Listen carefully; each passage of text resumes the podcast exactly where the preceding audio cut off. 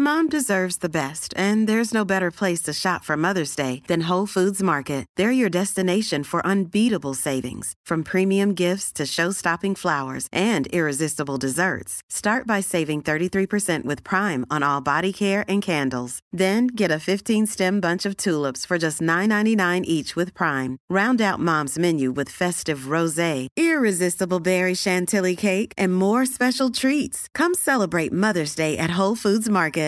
Ready to pop the question? The jewelers at BlueNile.com have got sparkle down to a science with beautiful lab grown diamonds worthy of your most brilliant moments. Their lab grown diamonds are independently graded and guaranteed identical to natural diamonds, and they're ready to ship to your door. Go to BlueNile.com and use promo code LISTEN to get $50 off your purchase of $500 or more. That's code LISTEN at BlueNile.com for $50 off. BlueNile.com code LISTEN.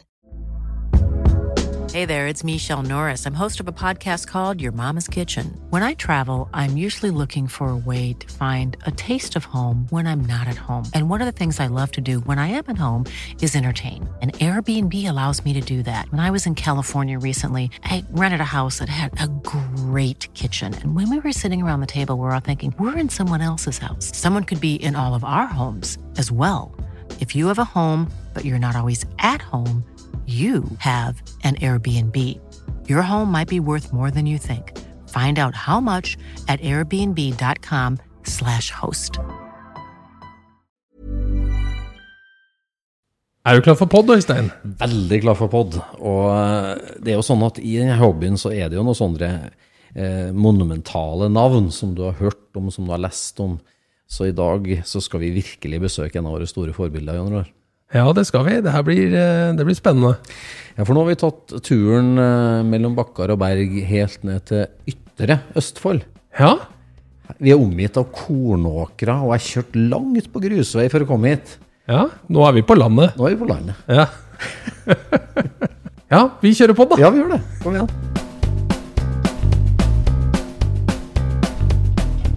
Du lytter nå til Scootspodden, en norsk podkast om klassisk bil med Jon Roar og Øystein.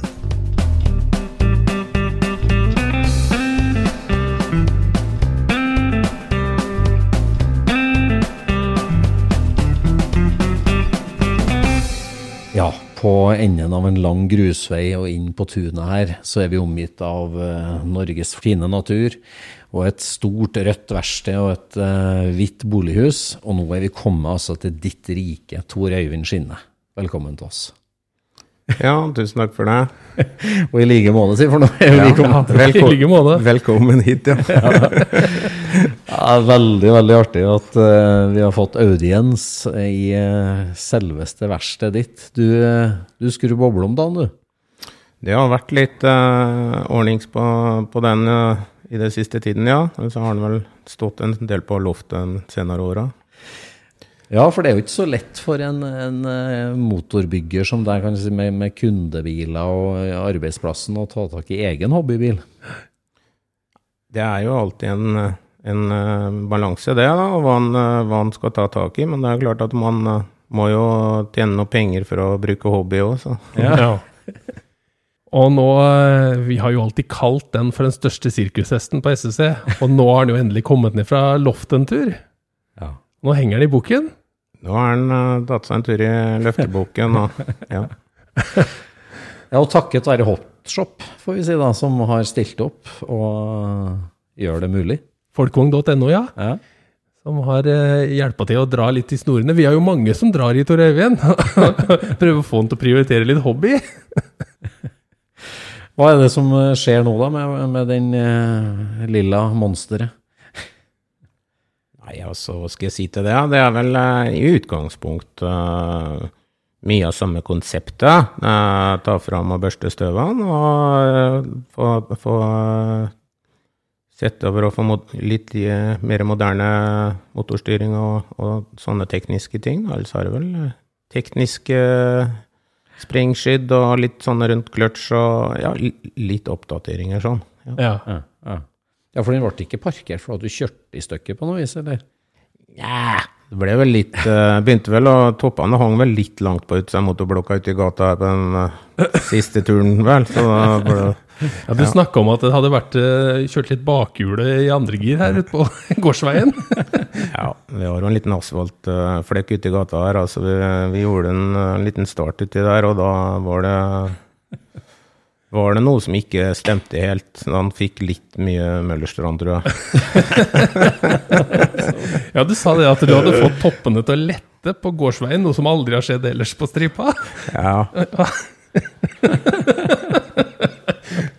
Ja, da blir det nok litt mye Møllers. ja, det var det. Så det ble noen reparasjoner og noen ombygninger der som eh,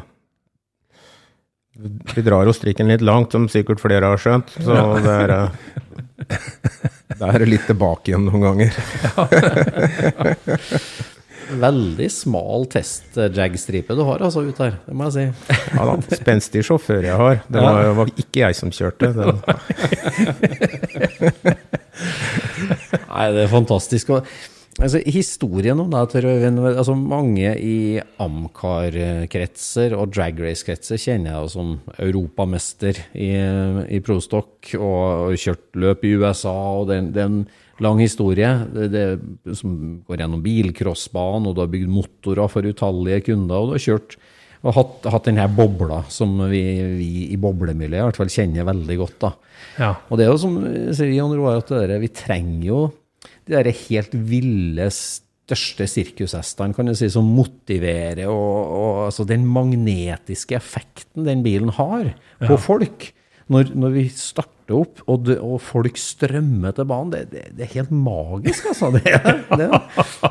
Ja, nei, altså du kan, du kan si at du er uinteressert i dragracing, men når du hører skinnebobla står på, på turtallsperra og burner, da kommer du løpende, altså. Ja, det gjør det, altså.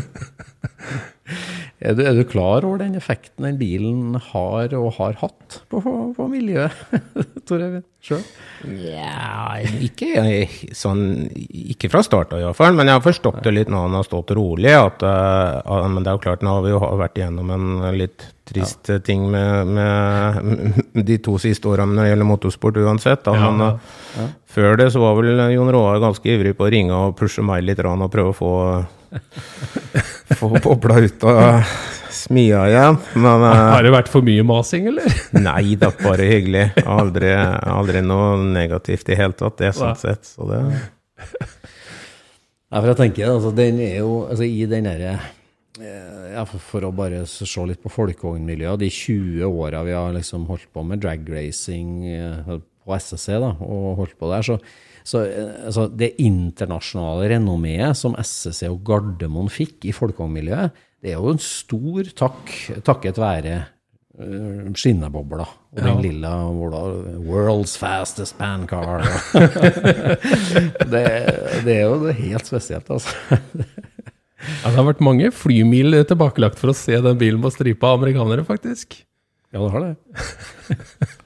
Det er litt artig, det, da.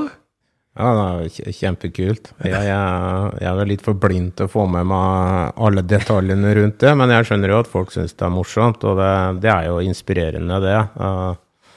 Men når du, har- når du har stått oppå på stripa der på seine kvelder med, med noe kaldt i glasset, har har det kommet forbi noen amerikanere og spurt om noe, eller er sniker de bare rundt som sånne hva er det for noe, grunnmurskatter? Ja, jeg har vel hilst på noen, kan de se, men eh, det er jo eh, Tenker man kanskje ikke akkurat så mye på hvor de kommer ifra, for det, det er jo alltid interessant å snakke med nye folk som har stille stiller interessante spørsmål. Så det er jo ja. liksom men, der- om det, det er jo både tyskere og finner og svensker og Ja. Hva, er, hva er et av de vanligste spørsmålene hvis du får om bilen? Altså, hva, hva, eller, hva sier de? Jeg var egentlig ikke helt hva jeg skal si til det, hva som er mest vanlig. For det er jo helt avhengig om de, er, eh, om de bare syns det er kult å se på en eh, boble på, på stripa, eller om de er teknisk interesserte. Og så blir det jo litt eh, forskjellige spørsmål. Så, men det er jo klart Hvorfor du ikke har en annen girspak som ikke du må H-gire med, er jo alltid noen som spør om, for det er jo litt uvanlig, det. da, når det er vel en av verdens raskeste H-girbil omtrent også. Så eh, så det er jo all ære til føreren, får jeg si. For det, Ja, for det pleier å være vertigate før de runder ti sekunder, og så kjører du nesten sju sekunder med H-gir. Ja, vi skal kjøre sju med H. Ja, vi skal kjøre sju. Ja, er det i sommer du skal, eller? Ja, vi drømmer jo om det, da. Så vi har iallfall ut å kjøre. Så hvis vi får, får det til å virke og, og sånn, så, så ligger vel det litt i korta nå. Så vi får, vi får ta den eh, Ta den støyten. Ta den støyten og tåle det hvis ikke går. Har du booka samme sjåfør som vi kjenner, eller? Ja, jøss. Ja. Yes, Peter er uh, Han er med. 100% klar. Men ei, ei, ei sånn stripe for deg, altså, eh, han som sitter inni, eh, Jens Petter Brandstorp, naboen din og villmannskjøreren med Håger, det er jo én ting, det han går gjennom. Men jeg tenker for deg, altså, du, altså fra du fyrer og triller ut av depotteltet, hvordan forløper ei, ei, ei, ei, ja, et, hva skal jeg si, et løp, ei ripe eller stripe? Ja. Hvordan forløper det seg for deg, Tor Øyvind, sjøl? Altså, Tenker du på sånn at ikke jeg får sett alt, eller tenker Nei. du generelt bare hva jeg tenker, og hva Ja, det gir hva, hva er det du gjør, og hva er det du hører etter? Hva er, det du, hva, hva er din rolle, da, for å si det sånn, fra du Når dere skal til å kjøre? Jeg får jo ikke gjort stort. Det eneste eh, det er jo å observere noen tekniske ting som kanskje jeg skjønner ikke er helt på stell. Så få få stoppa tingen eh, hvis det skulle skje noe sånt. Det er vel jeg som har ordet for det. For jeg Ja.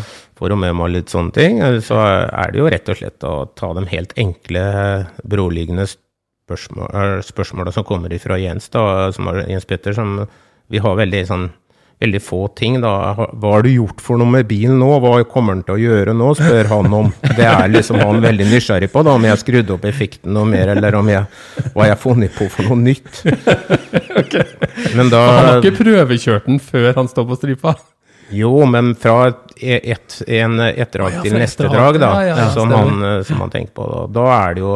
Nei, helt lik som forrige gang, sier jeg da. Det er, det er jo ikke alltid det er helt sant, men, men han trenger jo egentlig ikke å vite det, for han skal jo konsentrere seg om de tinga sine, ikke om det tekniske, for det, er, det blir bare tull. Jeg husker jeg, husker jeg snakka med deg en gang før, og da, da sa du det at eh, han hadde bare én oppgave, det var å holde det rattet helt rett. Ja. Ja, det har faktisk vært noe av problemene med at bilen eh, Kanskje litt for direkte på rattet, da. Så at han eh, Den steiler jo eh, på de tre første girene, og når han gjør kanskje 100 på første og 170 på annen, og eh, gjør litt jump igjen på trea, 240 eller hva det er for noe, så, så skjener bilen hver gang han detter ned. Ja, fordi at han har korrigert i lufta, for at han syns at bilen går litt skjevt, og det gjør han jo. Altså at han drifter jo ut av banen pga. at det spinner eller skjener, og da vrir du automatisk litt på rattet. Og så lander du med Så lander du med litt skeive hjul, og så får bilen en wobbel. Så det er helt klinke mulig å ta bort ifra han, liksom. Og det er klart, hadde du hatt tregere snekke, da, så du måtte sveive noen runder, så hadde det kanskje gått, men eh, Men de som sitter og hører på nå, de skjønner at det er god fres i den der gamle karavellemotoren som sitter i den bilen. Men da når dere Ok, han spør deg hva har du gjort nå, da, når du prøver å berolige han. Han setter seg inn, og dere tøffer fram til staging line. Liksom da når han drar utpå, og du har jo antennene ute, kan du si, hører du, hører du med en gang hvordan det løpet går? Eller altså eh, Hvordan ja, sånn innenfor en ganske grei eh, At det blir en komplett bra tur, eller om det er en fiaskotur, det får jeg med meg ganske Ja, kjapt. ja. Men, eh, hvor, hvor detaljert det siste hundredelen er ut av det, det går ikke å Nei, det høre. skjønner jeg. Det er, ja. For jeg, jeg har jo sett deg nærmest feire før han er i mål. Men da har du vel sikkert hatt problemer med noe annet eh, på de løpa før, da, regner jeg med. Ja, så det er klart at jeg veit jo at når bilen eh, stikker greit av gårde i starten med, med det jeg ser av bevegelse med øynene mine, jeg ser jo noe, og, Ja. og hører jo delvis åssen bilen eh, tar fatt i banen, da. For det ja. litt pip på hjulet oppi alt bråket, det er en veldig god symbol som ingen Ja. ofte tenker på, men at det er litt skrik i dekket. Ja. Det er et tegn på at du er veldig nære det ideelle, for det, det ideelle er litt spinn på hjulet og litt spinn på kløtsjen. Du kan ikke, ha, Ja, ikke- kan ikke bare ha det ene, det blir bare tull. Du må ha litt av begge. Ja. Så når bilen gjør 100 km på første, da, og motoren egentlig kveler seg under 50 km Hvis du hadde hatt én-til-én med underlag og kløtsjen, da, så ville ikke turboen tent. Så da må, fram dit så må det jo skje en slur på kløtsj og dekk da, for at bilen kunne klare å, Ja. å, å sette akselerasjon. Eller Ja. så ender det med knuste drivaksler eller andre ting, hvis du prøver å unngå den Ja. regelen der. Og det er mange sanseinntrykk, altså det splittsekundet der. Fra han slipper kløtsjen og til Ja, det er jo egentlig utrolig fort det går selv. Altså selv om det er dragracing-sammenheng, så er det jo ikke noe spesielt raske tider i forhold til hva en dragracingbil går, men det er jo relativt fort. Og 0-100 er på en Det er et eller annet 1,1 sekund eller noe sånt nå, og det er jo relativt fort, det. I en 56-modell. Ja, det er helt, helt absurd. Hvis du er helt uinnvidd til norsk eh, bilsport og boblehobby, i hvert fall, så må du google The Skinner Beetle. Ja. Hvis du, hvis du hører på den poden her, så skjønner man mer av hva det går ut på. Men Tor Eivind, nå er vi jo eh, ja, i Østfold, og der du er vokst opp, eh, eller ikke langt ifra der du er vokst opp. For det her det starta jo ikke med snart sju sekunders boble. Det starta vel med både traktor og moped. Mest traktor, kanskje. Ja, jeg er født og oppvokst på gård, da. Jeg, som eh, lille, lillebror av, av tre søsken. Jeg, Som, som eldstebroren min som, eh, som driver gården nå. Da. Han er jo Jeg er født i 65, og han er født i 61. Og så er jeg en søster på, i 63. Så um, pappa var tidlig syk og, og tidlig, gikk tidlig bort. Så, så jeg har vært gjennom ja, en del ja, Ikke harde kår, men mye jobb og, og hjelpe til på gård og få alt til, til å fungere. Og, og, og var ikke så veldig mye tid til eh, å få hjelp til lekser og sånne ting. Det var viktigere at vi var ute og hjalp til på gården, egentlig, for dem også. Og jeg, det passa jo meg egentlig bra, for jeg syns jo ikke akkurat leksene var så ille ålreite. Nei, for du har snakka om det før, at den der oppveksten her med liksom det å, å ja, hardt arbeid og prøve seg med å få lov til å leke, få lov til å prøve seg med alt mulig rart, som dere to brødrene gjorde, at det har prega deg hele livet, egentlig, med å tørre. det er sånn. Ja, det, har- det har jeg faktisk tenkt mye på når jeg, er blitt eldre. At det, det er klart at broren min han var vel ute og prøvde litt rundt ute med, med mopeder og var også uh, ute på mer ungdomsliv og sånn, men jeg var mer hjemme på gården og, og sto i garasjen og skrudde og knota. Han begynte ikke så tidlig som meg med, med mekanikk, da. Så at han uh, Jeg begynte med rare sykler og tandemsykler og plukke fra andre krenker og spre kuler overalt og få inn den korte cranken inn i den andre og holdt på med det forskjellige ladninger. Og så ble det moped når det var en Pappa kjøpte en moped til meg for 200 kroner da jeg var eh, åtte år eller noe sånt, og den gikk jo ikke. Så kom det en raring fra nabogården og, og hjalp meg å få en, prøvde å døtte i gang den mopeden. Han var et par år eldre, og han, han, det var han Jens Petter, da. Det begynte tidlig, ja. Ja, Samarbeidet starta tidlig. men han starta jo ikke, da, så han var jo ut med pluggen da, og så se om det gnistra. Han visste jo at den måtte gnistre. og så... ja, ja. dro han vel sikkert av bensinslangen eller et eller annet, da, og så visste at det måtte komme bensin, så da skulle jo skje ting. Ja. Og det gjorde det, men eh, greia var at det tok jo fyr og, nedi den pluggen. For det var jo bensin og klin overalt. Så da var det ikke noe tanklokk på han heller, så at han ble hevet ut på jordet, da, så ja. Jens Petter han foreslo at ikke jeg skulle prøve å tisse litt på han. men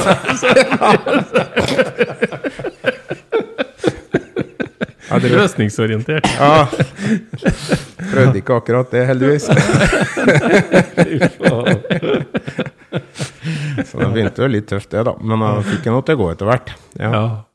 Ja. Men du skjønte da allerede da egentlig at du, at du både var flink til å skru, og at du hadde veldig lyst til å skru og mekke og ordne? Nei, jeg skjønte ikke at jeg var noe flink, det kan jeg ikke akkurat si. Men eh, at jeg hadde lyst, det skjønte jeg sikkert. Ja,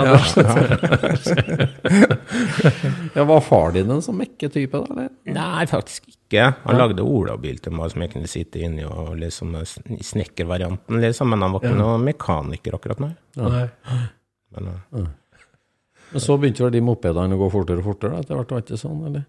jo, ble jo noe sliping i noen, noen kanaler og, og, og litt sånn etter hvert, ja. Hvordan fant du ut eh, hva du skulle gjøre for noe der, da? Nei, eh, mye er jo feil å prøve. Det var jo selvfølgelig den første sylinderen jeg fikk. Fikk jeg levert til en som var noen eldre som, eh, som hadde eh, holdt på litt med det, da, som hadde drevet litt med noen totaktere og sånn, som han slipte en sylinder for meg da, og, og, og betalte noen kroner for det, liksom, og, og så åssen han hadde gjort litt og sånn, da, men så Syns jo ikke det var noe sånn hokus pokus å få gnikka litt med en sånn stift inni der, så da var vel det Pynter vel litt sånn, men Ja.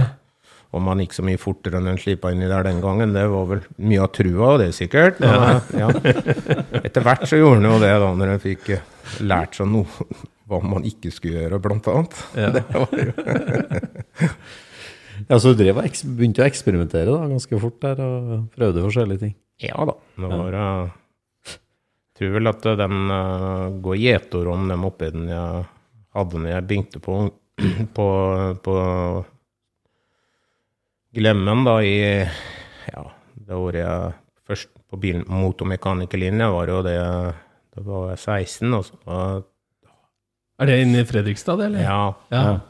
jeg, da hadde jeg en moped som eh, gikk litt eh, bra. Den gjorde vel faktisk sine ærlige 130 km på flat vei i 50 kubikk, og det er fort.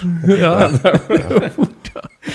Så den, den var smidd sammen hjemme? Nei, det var eh, faktisk en, eh, en, eh, en Det var vel den siste motoren jeg hadde ta de saksene, og det var en knattekrossmotor egentlig, men det var en saks Kall det en panter eller en sprintmotor, da, som er sekstrinns girkasse og sånn. Så det, den siste motoren jeg hadde der, den var faktisk en ren sånn knattekrossmotor.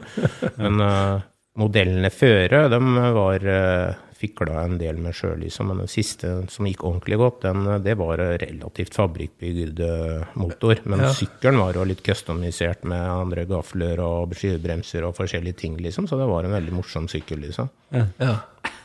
Har du den ennå, eller? Nei, men kollegaen min har den, han Tom, som er, ja, hjelper meg veldig mye og, og sånt noe, så han har den hjemme i garasjen, faktisk. Han fikk klora tak i den. Ja, stemmer. Men eh, du fortalte en gang at, eh, at du måtte kjøre den inn eh, på skolen. Ja, det var det må, Jeg hadde jo så ille lyst til det, for de hadde jo eh, 125 sett og LS2-er og alt mulig fett, de andre guttene inne på yrkesskolen der, da. Ja.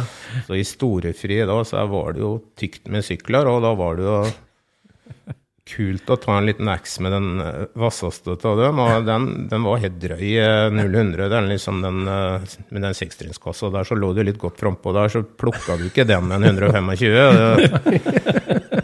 Men Så jeg var ute i gata der og reisa, ja, og det fikk jo lærerne greie på, at han blinde han hadde tatt sko, sykkelen inn til skolen.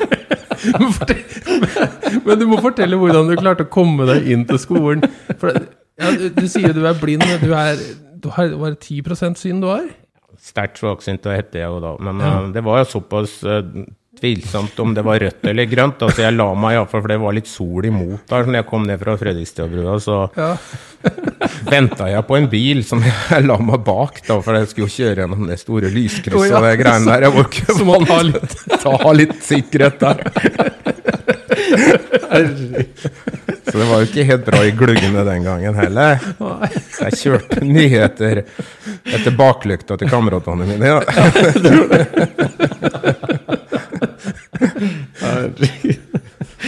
Hvor lang, lang tur var det da, fra gården og på Nei, altså, det er jo mm, 15 km inn, til- Fredrikstad, da. Det er vel omtrent til Sarpsborg og Halden òg, så det blir, vi bor jo litt sånn midt imellom uti her. ja, ja. Hva tenkte de hjemme på gården når du kjørte av gårde på mopeden? da? Nei, det, jeg hadde jo selvfølgelig sagt ifra at jeg skulle ta moppa på skolen. Så ja, men kjør forsiktig, da, hadde de sagt. Så det var ikke noe. Men de ringte jo hjem fra, fra skolen da, og var helt fortvila. Og, og, og, er dere klar over at han har kjørt moped på Ja, han sa ifra det.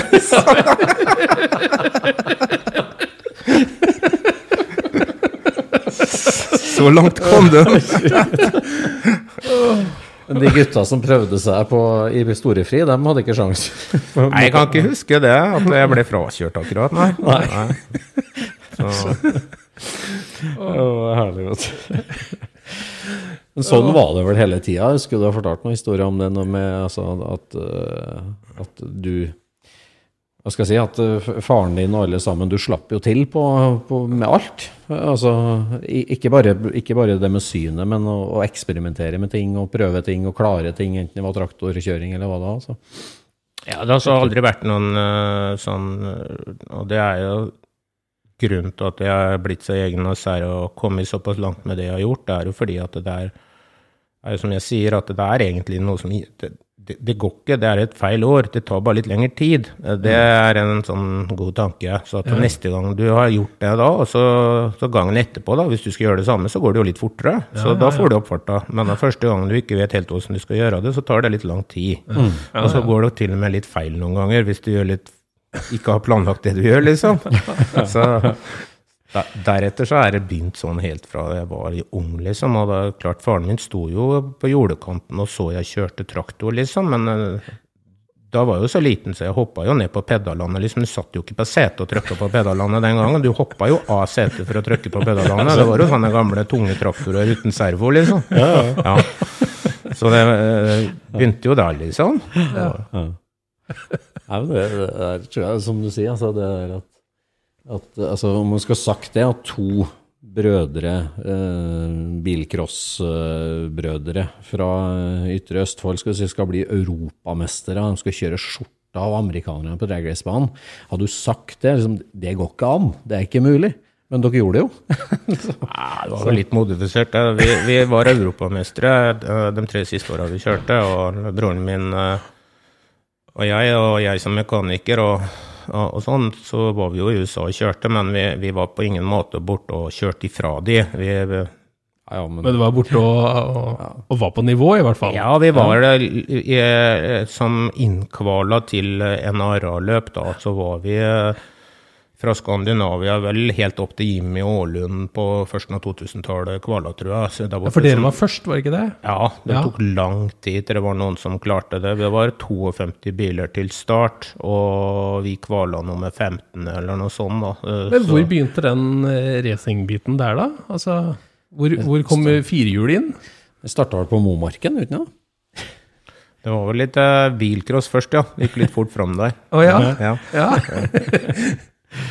Ja.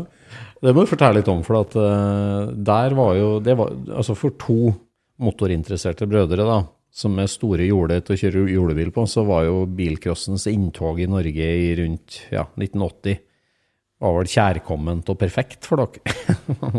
Ja, vi har drevet med noen jordebiler, og det var vel eh, litt sånn tilfeldig at det ble bilcross. Men du hadde jo hørt om noe som heter bilcross, da, og så var det jo eh, Borti gata her var vel en av Østfolds mest beryktige jobba vel på Dales Auto i sin tid, han Gunnar Wilhelmsen som han heter. Han var stor og skrudde mye bobler, og jeg hadde litt sommerjobb der og, og sånn, så vi fikk litt greier derfra. Og så kjørte vi vel noe på jordet med noen forskjellige varianter av det, og så ble det bygd en bilcrossbil da, som, som jeg bygde motor til på, på yrkesskolen, faktisk. Da, det var vel den uh, første trimma motoren som vi, vi satte sammen. Da, da. Totalvant den jo på, på Momarken i det ble 81, tenker jeg. 270 deltakere. Så det var jo kjempe, kjempesuksess. eh, At, han, at vi kom så langt, da, kan du si, med, med Han var vel ikke den helt raskeste, men eh, vi var jo i A-finale, og da må du jo være litt rask. Så han kom vel de to-tre raskeste bilene ut og gjorde en liten krokk eller noen greier ute i starten der, så kom han fint på utsiden, og da tok de den ikke igjen, iallfall. For det, Nei. så kom jo først i mål. Ja. Så, så du da vinner dere på Momarken. Broren din er 20, og du er 15. Ja, blir jo det, da. Så du bygger motoren på yrkesskolen, og du vinner eh, Ja. Ja, det var faktisk uh, den første trimma motoren vi hadde i bilcrossbil. Vi var vel på et bilcrossløp føre som var egentlig ganske kult. Da. Det var uh, på sirkustomta i Sarpsborg. Da uh, hører jeg spikeren skriker, og jeg så det jo ikke. Da kommer en kjørende, motoren henger under bilen, skriker han da. Men broren min hadde jo da kjørt over en dekkstabel, og så var det vel litt for dårlig motoroppheng bak i den TL-en, da, for den uh, mankerte et bakre feste, så det var vel brukt noen remmer og noe styr som vi hadde misforstått litt. Iallfall så røk hele opphenget, og motoren datt jo ned, og da blir jo gassvaren litt stram, som folk vet. Så det var jo ikke det at ikke han hadde lyst til å slippe gassen, men den gikk jo for full spiker der. Og hoppa over neste dekkstapel, og folk lo. Og vi syntes jo det var så flaut. Så da var det hjem og bygge litt bedre, bedre motor og bil. Det skulle ikke skje igjen.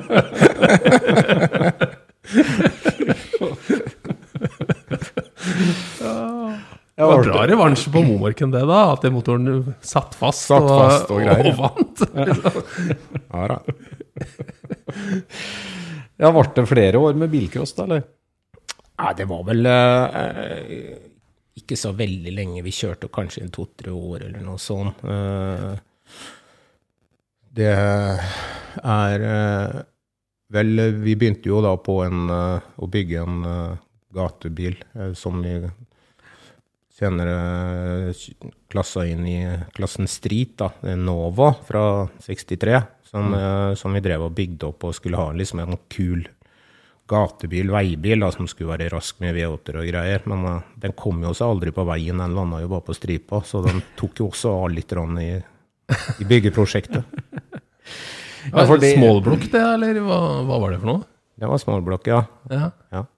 Ja, for det er jo en bil som er altså Jeg husker jo kjempegodt den fra jeg så den på Gardermoen, jeg òg. I tidlige tider skinner bloss på sida, ikke sant. Og, og eh, altså, det, det steget der fra å være liksom moped- og motorinteressert ungdommer da, og kjøre bilcross, det er det jo flere som har gjort, for så vidt. Dere vant jo sånn, men, men det da å si ok, vi skal kjøre drag race, vi skal bygge Nova, det var jo et eh, Altså, hva, hva var liksom inspirasjonskildene motivasjonen? Hvorfor ble det den veien? Liksom? Det kunne blitt rallycross for den del, men Ja, det eh, Jeg vil vel tro at hovedsakelig det var broren min, da, som var Han eh, Det kom jo noen blader som heter Bilsport og litt sånn forskjellig, som det sto om uh, forskjellige gærninger, som Bostik og Bostik Bolero og, og, og, og, og disse gutta, da, som var uh, heftig den gangen. Og begynte vel litt i de uh, trendene der, så ja. Ja, og så hvor fikk dere dere Novaen da? Det var inn på Nesodden, faktisk. Han sto i en eh, garasje der, men det var jo en sekser inn, da. Det var litt kjedelig. Ja. Ja. Nei, faktisk, det var ikke sekser. Det hadde vært en sekserbil. Det sto en gammel 283. Det stemmer, det. Ja. Ja. Hvor starter du en da? Altså, du har bygd noen bilcrossmotorer, bokserfirere, og så er det plutselig smallblock V8-er og, og ja, virkelig alvor, da. Det, og du, du, altså, så, så, dere debuterte med den i 85, så du var jo du var ikke 20 engang da du begynner å bygge V8-er og Nova. Nei, jeg hadde med meg den shortblokka som den første blokka som jeg egentlig meninga vi skulle ha. Jeg hadde jeg på, skolen, da. Den var vel eh, så, som jeg fikla litt med der. Ellers så ble vel den degradert og kjøpt litt finere stæsj etter hvert. Det ble ganske straks en USA-tur som vi eh, Ja. dro med oss en Dana 60 og eh, kamaksler og litt forskjellige greier hjem på flyet. Det var helt Dana 60 på flyet. ja, han er litt uh, dreik. Han Jeg hadde faktisk det på rulletralla når jeg kom på Gardermoen. Eller på Fornebu, ja. Det var ikke carry-on, det var ikke det. ja. Det er en stor kardang, det. Den bakakselen den Dana 60. Det er, eh, en Volvo-aksel er liten. Så han var riktignok korta, men uh, Ja, hvor- hvordan, altså, da, da gikk dere jo veldig til kjernen veldig fort. da, si, Det å reise til USA og hente deler derfra. og Det var jo ikke helt vanlig, det, på den tida der.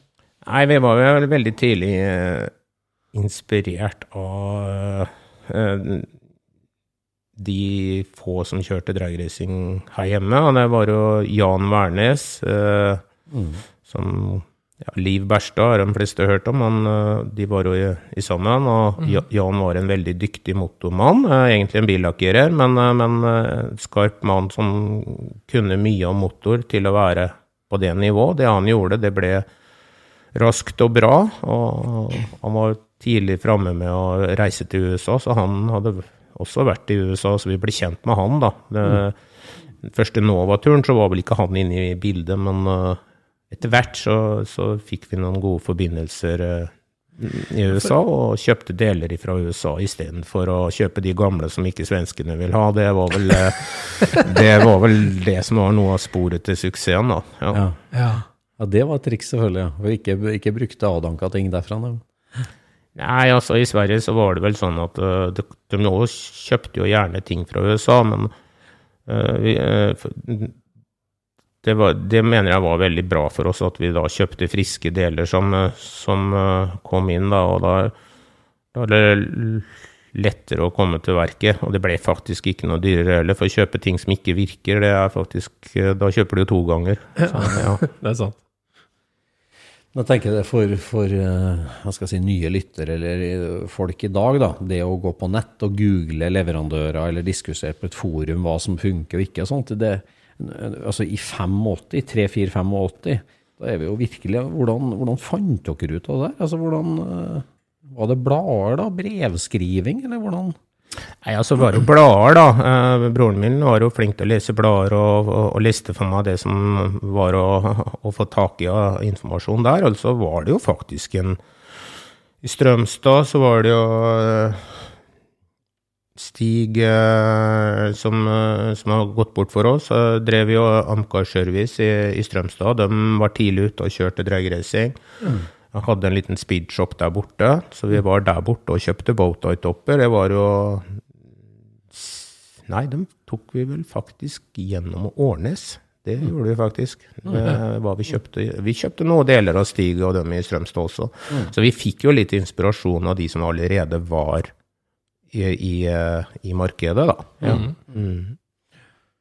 Men altså, motorbygging, da. Altså den, altså, når dere debuterte med den på stripa i 85, Novaen småblock, det gikk jo fælt. Og dere, du, du var jo på Du hadde jo skjønt noe med motorbygginga som, som ikke alle hadde skjønt, da, for å si sånn. Og dere, det, selvgjort var velgjort. Dere kjøpte riktige deler, men å sette dem sammen og få det til å funke det, der satt i fingra på det, eller prøvde og feila dere veldig mye da, eller hvordan? Ja, jeg vet egentlig ikke helt det, men det er klart at uh, når mopeden begynner å gå fort, så er, skjønner du jo litt hva som skjer. Det er jo en god sammenheng det. Så det må jo litt uh, luft og bensin inni der for å få det til å gå. Og så var det jo selvfølgelig Grottis. Jeg vet ikke om noen har hørt om han, men uh, det vil jeg tro en del av de som hører på, har hørt om. Og han var Sveriges flinkeste topplokksporter. Han har dessverre gått bort i mot motorsykk- motorsykkelulykke.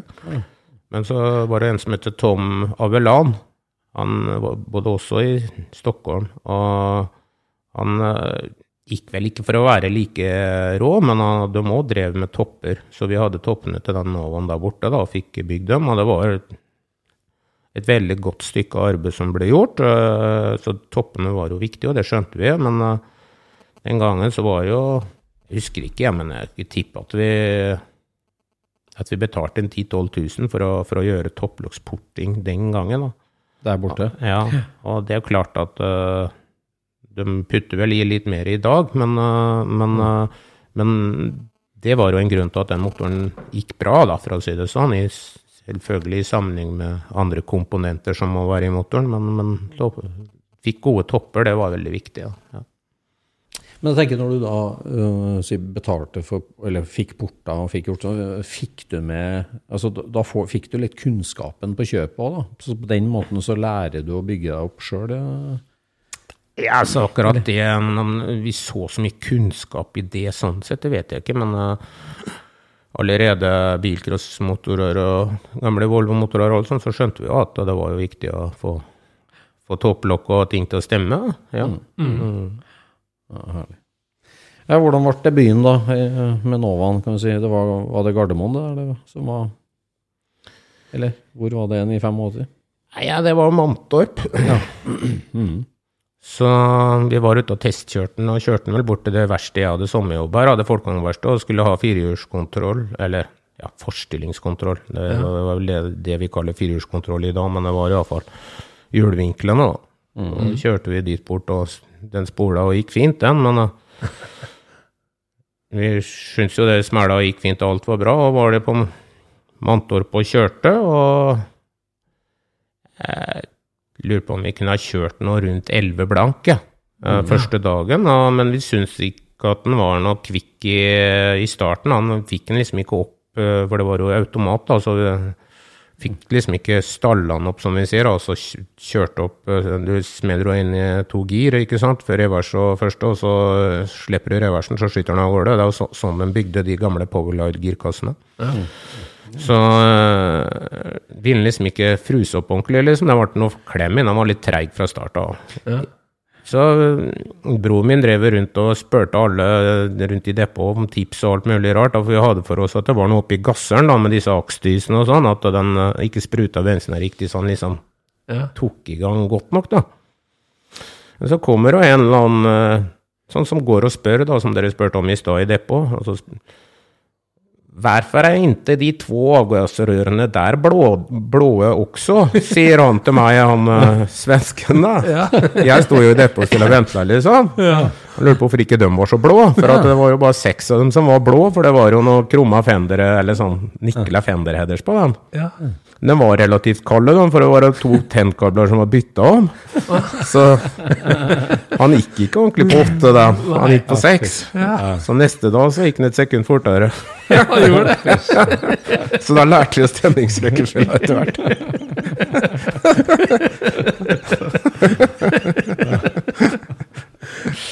Ja, det er en ordentlig forbedring. Ja, det var forbedring. Men var det, det, var det også den første sesongen dere kvala over til Santa Pod, da? Jo. Ja, var, på første sesong, debutsesongen, så Ja, det var vel eh, Street uh, Finals det heter på Santa Pod, da. Da var det vel uh, kåra en vinner fra Norge og Sverige og, og litt rundt omkring sånn, da, som skulle bort og kjøre da Street Finals. Så, så vi eh, ble plukka ut der da, og landa på Street Finals og kom til finale. Så vi var vel uh, Tapte finalen, faktisk, fordi eh, det var vel noe Det var egentlig bare en tilfeldighet, fordi at uh, han begynte å lekke litt i, i toppakningene. Så, um, så fant vi ut det at uh, det her kjører vi ikke med, så vi Den gangen så var det faktisk litt vanlig også hvis det var tømte motoren for, helt for vann, da, vi hadde ståltopper og stålblokk og alt sammen, så kjørte du tørr motor, så, så også du starta opp rett før strøypa, så kunne du kjøre tørt. Ja. Så, så var, det begynte å bli seint på kvelden, eller sånt, for vi kjørte på finale, og så bestemte vi oss for det at uh, vi gambler ikke på den lekkasjen, for det var litt sånn tricky om det kunne det- komme litt vann igjen. Så nappa radiatorslangen og, og syntes det var kjempelure med å tømme ut litt vann der, da, men på et eller annet sett og vis der så ble det vel ikke den eh, det vannet Det kom iallfall noe vann, da, så når bilen byksa av gårde i starten der, om den kom ja, Vi var vel ikke så dumme så at radiatorslangen ikke sto tilbake igjen, det kan jeg ikke huske, men det kan godt ha vært det, jeg vet ikke. I hvert fall så kom det vann på hjulet, da, så da måtte den, da spo- spola han det, så da, så da Ja. tapte vi finale. Eller så var vi vel egentlig vinnere av den klassen, egentlig. òg, Men, Ja. ja. Men da var det altså, da var det broren din som kjørte, og du var sjefsmekanikeren. Det var Ja setupet da. Eller var det ikke flere i teamet da? Altså, Ja, uh, Jens Petter var faktisk med uh, som uh, de, de første årene. men han var jo gårdsgutt etter hvert, så han måtte jo være hjemme og passe gården og, og sånn. Så, så Men etter hvert så ble det jo Vidar Larsen, som jobba på Sarpsborg Motorverksted i mange år, som var min beste kamerat. eh, Nå har Sarpsborg Motorverksted lagt ned i vinter, men, eh, men eh, vi hang i sammen som eh, to erteris i ungdommen, da, og, og jeg jobba jo der etter hvert, på Sarpsborg Motorverksted. Så han var jo med på de siste årene da vi ble europamestere. Tre år på rad, ja. ja. Men altså, det, altså, du var 20 år, og bror din eh, litt eldre. Kan si, hvordan betalte dere for det da? Var det sponsing, da? For det, det var ikke Eh, På slutten så fikk vi jo litt spons. Eh, I førsten så var det ikke mye spons, men det er klart at det gikk hardt utover økonomien. økonomi. Det var jo ikke rom til å spare opp noe penger av noe som helst andre slag. Og gården som broren min skulle drive, den ble jo også overskridd litt på inntektsfronten òg. Det gikk jo bildeler til, til det òg, og, og alt jeg tjente av jobb, gikk til bil, liksom. Så det, det var jo sånn det var. Det satsa. Ja. Ja. Brukte nok litt mindre penger enn det folk forestiller seg. Eh, Jeg tror at på det beste så hadde vi vel et par hundre tusen i spons da, da Hotshop uh, Hotshop sier Autoshop fra Florida. Som eh, bageren som kom og dunka meg på skuldra når vi var i på Gainesville og kjørte, og broren min eh, slang med leppa at jeg ikke skulle stå der og skravle med, med noen andre. Vi hadde litt dårlig tid. Så at, men jeg skjønte at, ha, hvem han var, da, for jeg huska jo han sin, for det var jo mekanikeren til Bostik. Lennart. Lennart, ja. Ja. Som uh, var imponert over det vi drev med. ja. Så han ville ha et møte med oss, og da ble det jo sponsoravtale med han, og det, det satte vi jo veldig pris på. Så da var vi hjemme hos Birgitte og Lennart, da. Så det var vel ikke helt bortkast å skravle med han da, men eh, Altså, han eh, Det var jo ikke en hvem som helst, han Lennart. Han, var jo, han gjorde det jo veldig bra i den der motorbyggerkonkurransen sånn på tidlig 2000-tallet òg, han. Før, rett før han gikk bort. Ja, det imponerte meg. Jeg fikk aldri den Altså, jeg hadde null respekt for Lennart når vi Ikke sånn for å Jeg følte ikke at han hadde noe motortalent eller noe. Han kom med mye rare spørsmål når vi var hos ham. Vi bodde hos dem i Florida når vi var der og litt sånn, men følte liksom ikke han, så han måtte ha tilegna seg veldig mye. Han begynte jo en motorverksted der borte og skrudde og fikk nok en, Det er klart, allerede så hadde nok Lenhardt hjemme, i, både i Sverige, også kunnskapen, men han var jo med oss noe på prostokk-kjøringa der borte, men følte liksom ikke at han skulle være der og gå hen og vinne mm, Engine Master. da. Det, det var imponerende. Ja. Nå foregrep vi jo litt begivenhetene. Nå for havna vi plutselig der igjen. For, for Novaen med småblokk, da, hva var bestetida dere kjørte med den? da? Den første generasjons Novaen, for å si det sånn? Den gikk 9,58, Ja. eh, 222 km Ja. og stripa, da. Ja. Og så ble det, ble det generasjon 2 Nova, med, med full rødramme og ja, manuelt gir eh, ble det da. M-speed, Dognash, og så full rødramme. Nei, jeg vet ikke, det var ikke noe suksess. Det var uh, hopp og sprett og tjo og hei. Han gjorde vel uh, 2,40 på farta, vel, og det var uh, Kunne vi ha kjørt noe sånn 9-1 eller 15 eller noe sånt, Ja. eh, som best. Og så ble det ombygning til til 87, da. Da ble det en ny runde med vinkelsliperen og ordentlig eh, prisme nitom-aksel opp. Akkurat det hadde vel ikke så mye å si, men skikkelig godt bygd forlink og, og, og fikk litt inspirasjon av, av en chassisbygger som eh, bodde i California, da, som, som eh, faktisk Det var han som hadde kjørt den Transamen vi kjøper senere, som mm. Gary Hansen. Eh, Som var en prostokk, eller en sjasjeshoppe som vi kjøpte litt forlinkgreier og tegninger og sånn ifra. Og da fikk vi snurr på den, eh, den bilen. Og da var det en mindre motor i. Det var vel faktisk den første Ja, det er den eneste motoren vi faktisk har kjøpt. Landa i den da, og da kjøpte vi den av Nickens and Browns fra Texas. Og en liten eh, tass som eh, bremsa 660 hester eller noe sånt. Eh, er vel omtrent som gulemotoren til Richard omtrent, sånn som bare viner. ja. Så nei da, den, eh, den gikk jo godt. Den kjørte vi 8, 868, 251 km. Klarte vi å kjøre med den med, med femspeed dognash og Og kløtsjing på gira, kan du si. Så den, eh, det, det var fort da i SA som vi kjørte. Ja. For det var en prostokkmotor? var det sånn det var? Nei, det er en smallblokk, en D-stroka smallblokk, 323 kubikk. Ja. Så, så en liten motor, da. Det blir Ja. jo Hva blir det? 5,2-3 liter eller noe sånt. Så at den, eh, den, gikk, den, gikk 10 000 omdreininger på girskifta, liksom. Så starta vel på 10-8 på Santa Podhusarja, for det var litt mye grep. For ikke bogge, ja. Ja. Det var litt eh, bedre grep der enn det var på den banen vi kjørte her. Så vi, Og det tar litt. ja. men da har dere altså verksted hjem på hjemgården, da, som storebror din driver. Eller dere driver sammen gården. Nei, altså, det, det, Den gang så var det jo øh, faren min som, øh, og mora mi som, som hadde gården, og så tok jo bror over gården etter hvert. Ja. Så når vi er i gang med Novan, da, så er jo han midt oppi og skal øh, begynne å, å, å bli bonde samtidig. Ja. Mm. ja. Men også tenk på det, det, å da hjemme på gårdsverkstedet her i Østfold og drive og, og skulle bygge nytt chassis og rørhammerchassis og motor og alt sånt, altså, var dere en, hel, en gjeng som tenkte på de tingene og skissa og bygde, eller var det du, eller var det bror din? Altså, hvordan, eh, altså, for, for det er jo masse ingeniørkunst, nærmest. eller altså, altså, En ting er å gjøre det, men også tenke ut hvordan det skal være. Hva det, hvordan foregikk den konstruksjonsprosessen, liksom? Nei, hva skal jeg si, ja? Uh, det var iallfall ikke noen ingeniører. Det, det, var det det når de lagde ting? Nå var det ikke mer ufin, da. Det ser kanskje ikke sånn ut. Nei, jeg har ikke sett så mye på det.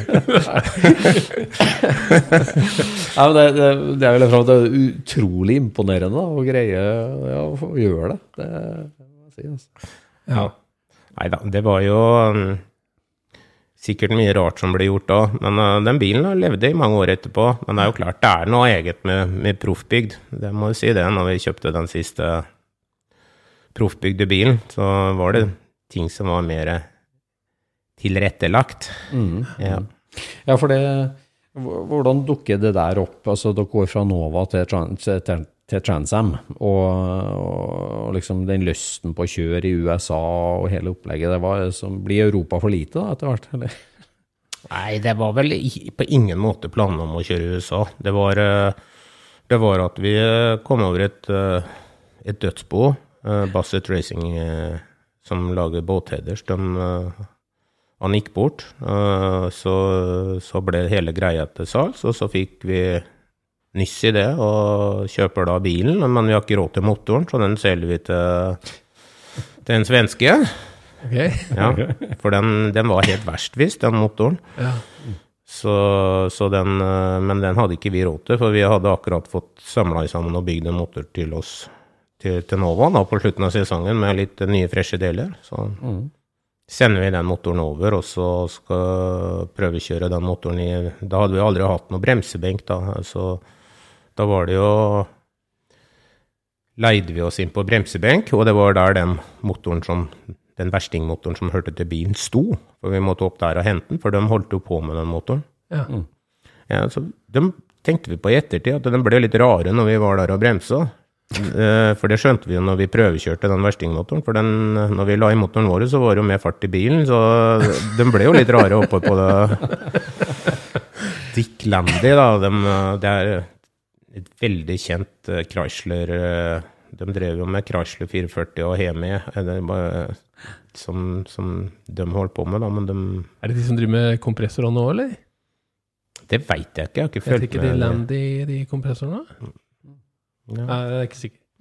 Så, så da landa vi borti, borti en, en, en ny bil, da. Og det viste jo seg at den motoren vi hadde, den fungerte veldig bra. Så det var jo For det var en big block dere hadde bygd her i Norge, hjemme på, Ja. på gården. ja. Tok med den over til USA, satt den i bilen, Mm. og så skulle dere kjøre dragrace i USA.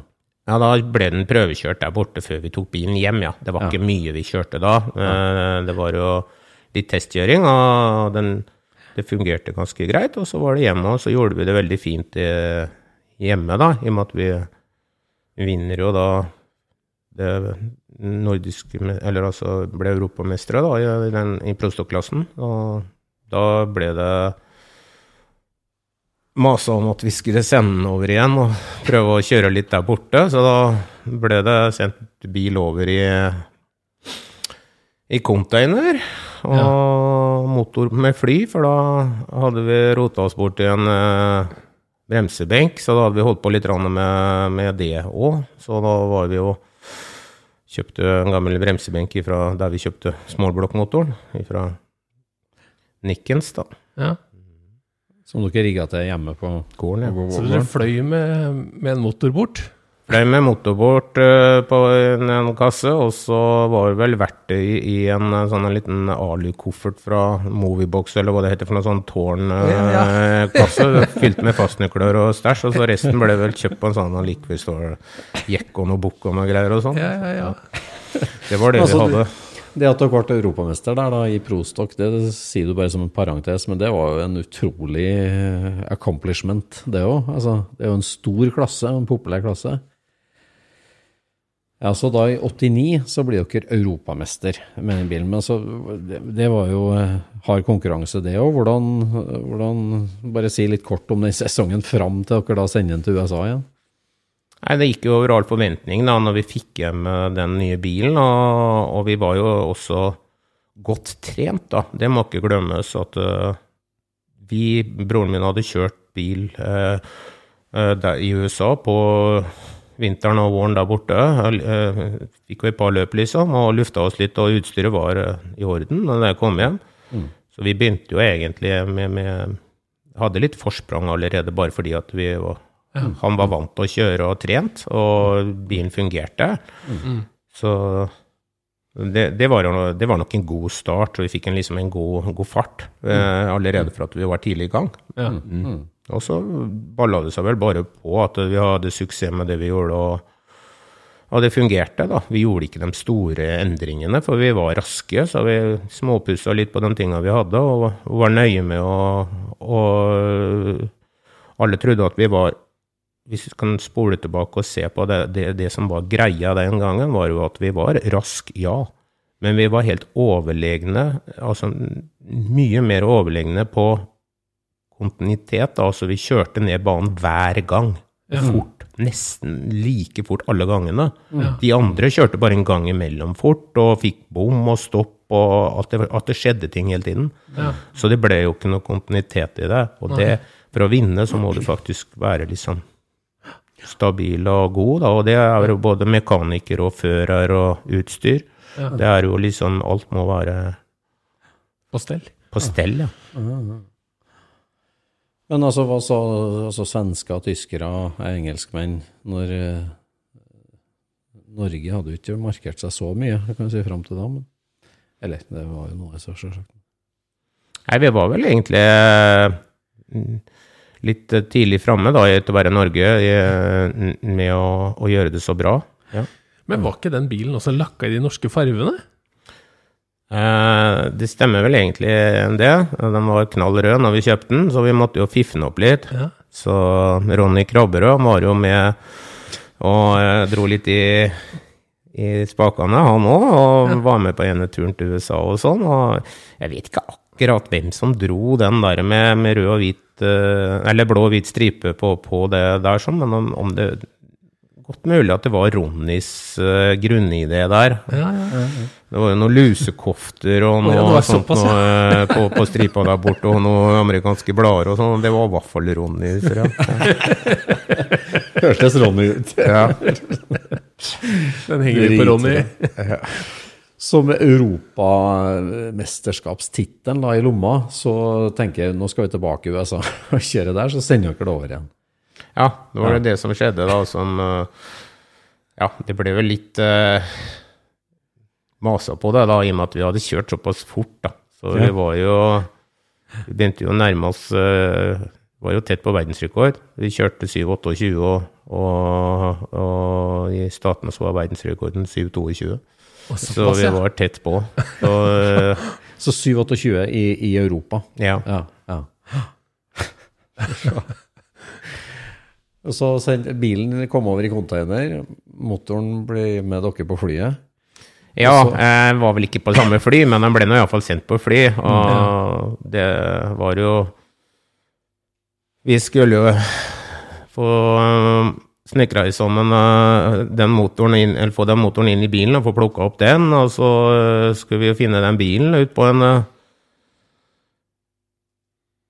stormfull, uh, fin uh, Atlanta, I Atlanta da var det jo South Carolina, da, orkanen Hugo, som landa.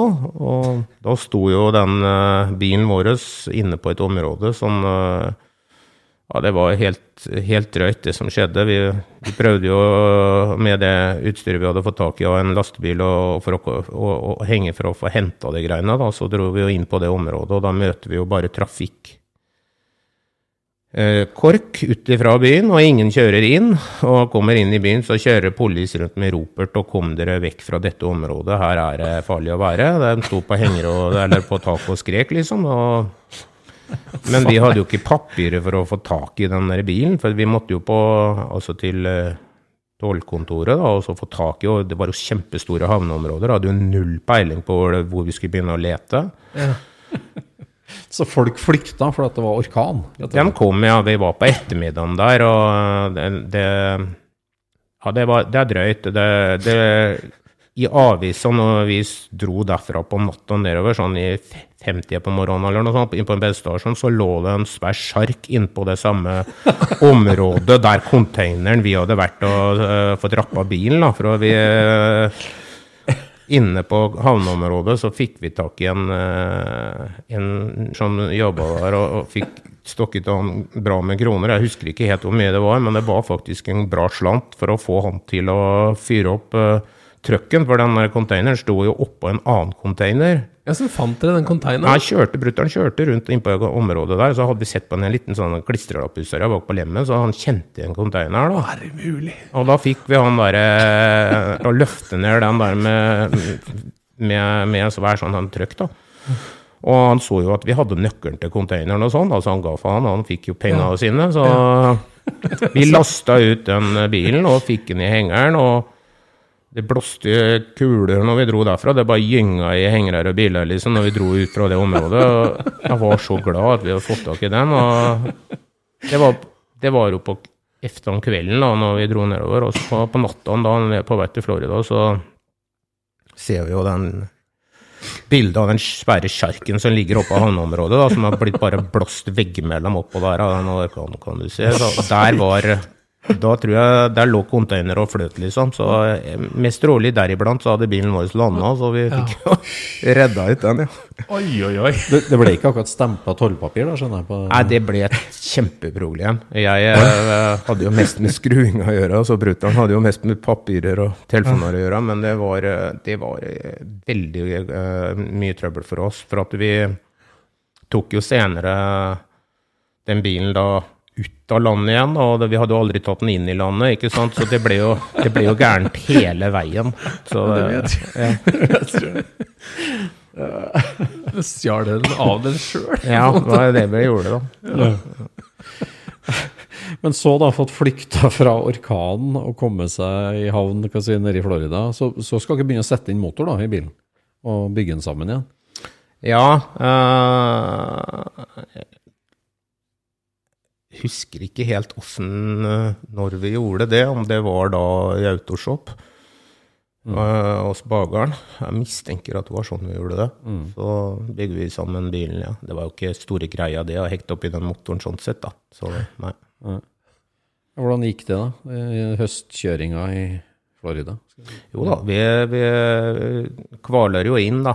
Og det er stort, egentlig, å kvale inn der borte. Mm. Der, mm. Mm. Det var vel sånne Hva var det for noe? En par tusen dollar for å kvale inn eller noe sånt. Nå, det var jo mye penger den gangen. Og det var jo de topp 16 da som gjorde det. Så vi klarte jo det, faktisk. Ja, såpass. topp 16 prostokk i USA. Mm. og... Ja, vi kvala som nummer 15, vel, men uh, faktisk prestanda våre var egentlig sneppet bedre enn det òg. For vi var på 200-meteren, så hadde vi nest høyeste speed. Så vi var oppe og nikka med de, de, aller skarpeste, men de siste 200 metera så var ikke bilen helt uh, Jeg mista rett og slett stæsjet, liksom. Og den gangen så var det jo vi hadde ikke tilgang til de ventilfjørene. De andre kjørte med titaniumsventilfjører som ikke vi visste om engang, som vi fikk greie på senere. Og de hadde produkter som vi ikke hadde. Og eh, selvfølgelig, jeg skal ikke bare skylde på det, men eh, det var jo med oss, og de drev jo også, også, også med oksygenberika bensin, og de hadde egne kjemikere på, på teamet, og det var jo en del stæsj som skjedde som ikke, som Ja. ikke vi var med på, da, så sånn rett opp og ned så kjørte vi faktisk med, med, med kjøpte midler, da, og ikke s- spes-greier. Nei.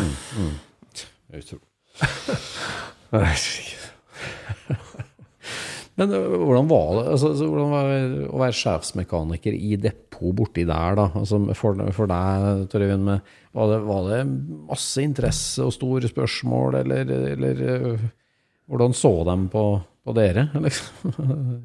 Der?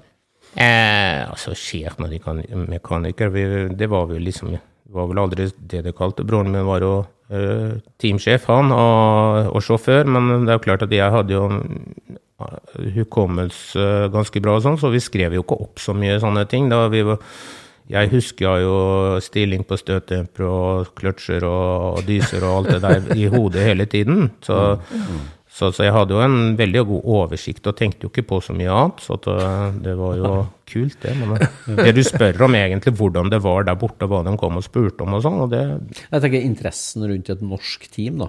Ja. der. Nei, den var jo De, de syntes jo det var kjempemorsomt, da. og De var veldig gjestlige og hyggelige og sånn. Og, og, og de lurte jo på hvor mye vi tjente på det her greiene, da. Hvor mye vi hadde i lønn. Men uh, de skjønte jo ikke hva vi mente når når vi sa vi brukte alle sparepengene våre på de greiene der. Da syntes de at vi var noen raringer, sjøl. Ei- krone og 70 øre kiloen for uh, kornet? Ja.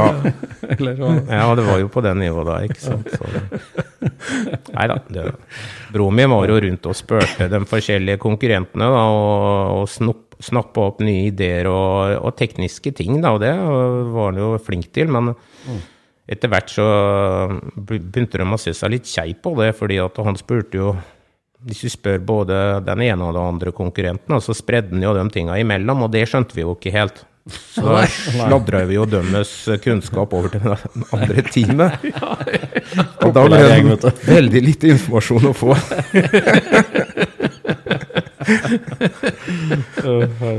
Så det, det lærte vi. Jeg lærte noe der, ja. Ja.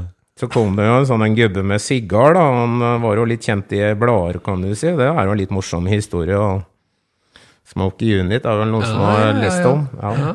Han gikk jo for å være helt rå og har gjort mye heftig, kan du se. Og vi har, broren min hadde jo lest blad, blader og tekniske ting om han, liksom. Han hadde jo begynt å synes at en del av det han skrev var litt rart. Så, Men i det øyeblikket vi skjønte at han sto og hadde bygd motoren til nabobilen, og vi kjørte ifra den, da brydde jeg meg ikke så mye mer om boka hans, liksom. Da syns jeg den begynte å bli litt gammeldags.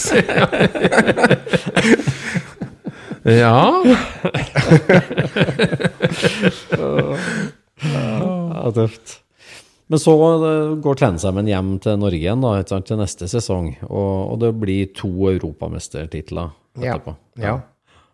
Og så, og så blir det slutt, da, eller? Altså, Race, Ja, altså vi eh, hadde rett og slett uh, brukt opp det vi hadde av penger, holdt jeg på å si, og gården fikk jo mindre og mindre stell, så begge sammen måtte faktisk uh, ta tak i det litt. Og jeg uh, begynte jo å, å trenger å etablere meg sjøl og, og bruke penger på noe av det jeg hadde eh, lyst til, jeg òg. Så ble det litt pause sånn sett. Per Christian treffer da Renate, og, og hun kjører litt, da. Ja. Ja. Og så etablerer du deg med, med ditt motorverksted og, og bygger opp det, da. ja, det er jo en del senere år. Det vi bygg, driver jo motorverksted sammen uh, Ja. i ti-tolv år Ja. eh, etter det. Men hva, er det da kan si, i, i businessen, da, er det, er det mm, eh, racingmotorer utelukkende, eller skrur du alt mulig rart, eller hva? Nei, altså i, i Hovedsakelig så er det jo eh, hobby- og konkurransemotorer. Men eh, jeg har jo vanlige reparasjoner av topper, kan du si planing og, og fiksing. Felleskjøpe traktortopper. ja, så det er jo litt forskjellig. Ja. Ja.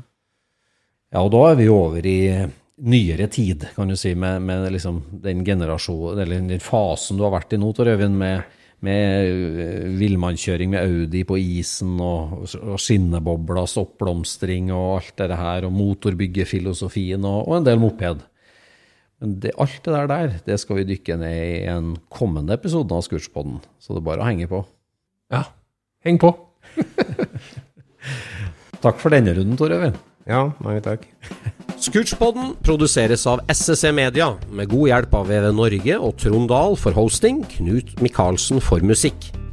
Abonner på Scootchpod via podcaster eller Acast, og følg Scootchpod på Instagram og se det vi snakker om. Der kan du også komme med kommentarer og innspill, og fortelle oss hva du vil høre om.